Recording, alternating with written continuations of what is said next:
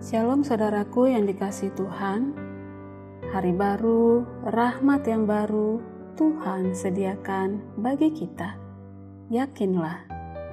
Firman Tuhan hari ini Mazmur 6 ayat 7. Lesu aku karena mengeluh. Setiap malam aku menggenangi tempat tidurku. Dengan air mataku aku membanjiri ranjangku ketika air mata pergumulan membanjiri tempat tidurku. Inilah tema perenungan firman Tuhan hari ini.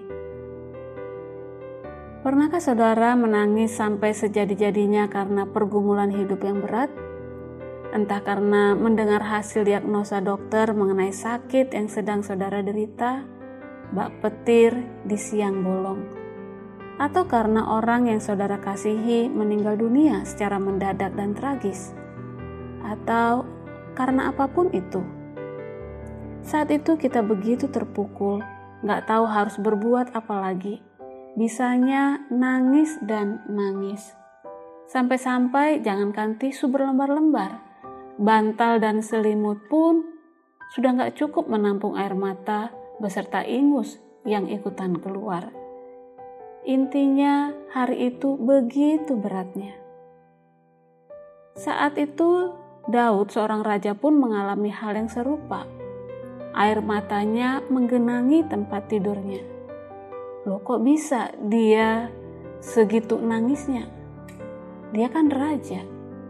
Saudara, ya betul dia raja. Raja juga manusia dan menangis itu adalah anugerah yang Tuhan berikan kepada manusia untuk mengekspresikan perasaan.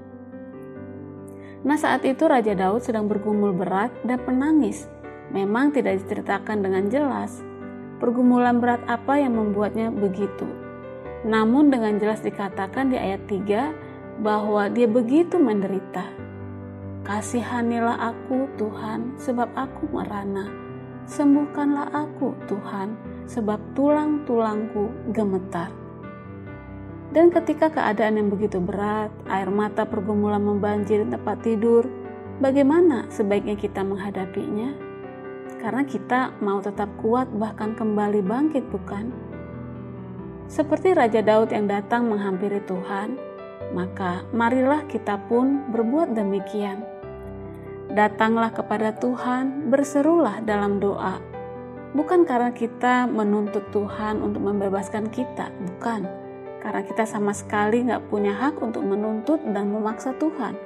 Melainkan karena sebuah keyakinan bahwa dia, Tuhan kita, adalah Tuhan yang kasih setianya tidak pernah berakhir bagi setiap kita anaknya, umat tebusannya. Dia Tuhan pasti mendengar, menjawab seruan kita.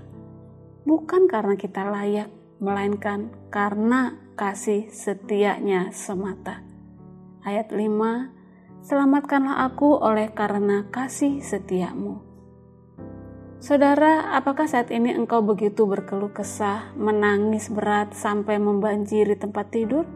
Gak apa-apa. Itu karena kita masih manusia. Menangislah tapi saudara, mari lanjutkan langkah kita. Datanglah, hampirlah Tuhan dalam nama Yesus Kristus yang berkuasa menolong kita. Tidak saja Daud yang ia tolong, tidak saja orang lain yang ia luputkan. Engkau pun hari ini pasti ditolong dan dilegakan. Seperti Daud yakini dan ia tulis di ayat 9 dan 10, kita pun boleh mengatakannya demikian Menjauhlah daripadaku, kamu sekalian yang melakukan kejahatan, sebab Tuhan telah mendengar tangisku. Tuhan telah mendengar permohonanku.